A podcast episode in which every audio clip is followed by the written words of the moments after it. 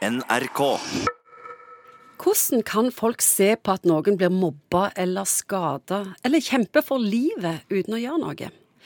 Ja, hva hadde du gjort om du sto der sammen med 30-40 andre på kaien, og noen holder på å drukne?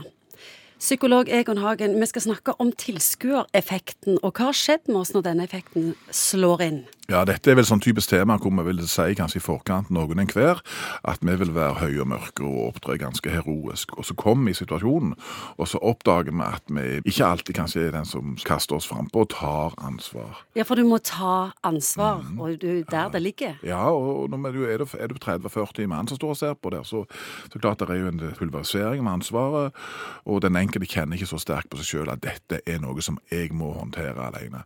Går du i fjellet og du møter en annen person som ligger i ei grøft der, så vil du selvfølgelig gå inn i den situasjonen med alt det du har. Så det handler om at ansvaret blir eh, vanna ut, eller pulverisert? Ja, Det er det ene, at du kan liksom bli litt passivisert. Hvem er det egentlig som skal gjøre noe her? Så, men andre ganger så er det jo andre bakenforliggende årsaker, sånn som frykt for, eksempel, for seg sjøl. Altså redd for å bli skada sjøl. Det er jo nok av eksempler på det òg, tragiske eksempler faktisk òg i nyere tid, hvor folk har gått inn i en situasjon og prøvd å ordne opp, og så har de blitt alvorlig skada eller drept òg, faktisk. Ja, i New York så skjedde det at 38 mennesker så på at ei kvinne ble knivdrept, og drapsmannen holdt på i en halvtime. Mm.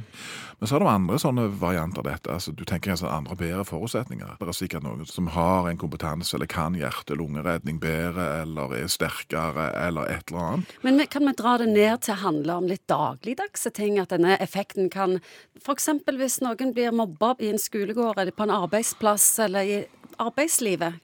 Kan vi se tilskuereffekten der? Det tror jeg nok, ja. Jeg tror det, jeg tror det er, det er noe sånn, Dette er sånn grunnleggende flokkmentaliteter som du vil sikkert se på ulike måter, òg eh, i arbeidslivet og i skolesituasjonen. Men derfor tror jeg at alle disse programmene som fokuserer på dette med mobbing, den bevisstheten rundt eh, hva som er rett og galt, det tror jeg har gjort verden til en litt bedre plass for, for mange som kanskje er svake i en skolesammenheng.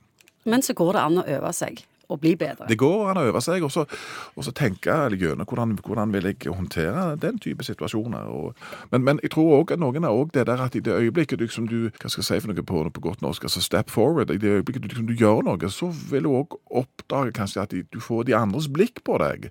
Du blir den som skal bære noe av ansvaret for den situasjonen. Og det kan noen ganger være litt uh, skummelt for enkelte, tror jeg.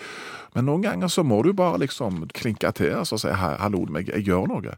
For jeg tror at passiviteten i mange situasjoner er noe av det aller, aller verste. Enten det er trafikkulykker, eller det er mobbing, eller Eller varslere. Eller varslere, ja. Mm. ja. Så gjør noe. Det, det, passiviteten er definitivt det verste. NRK.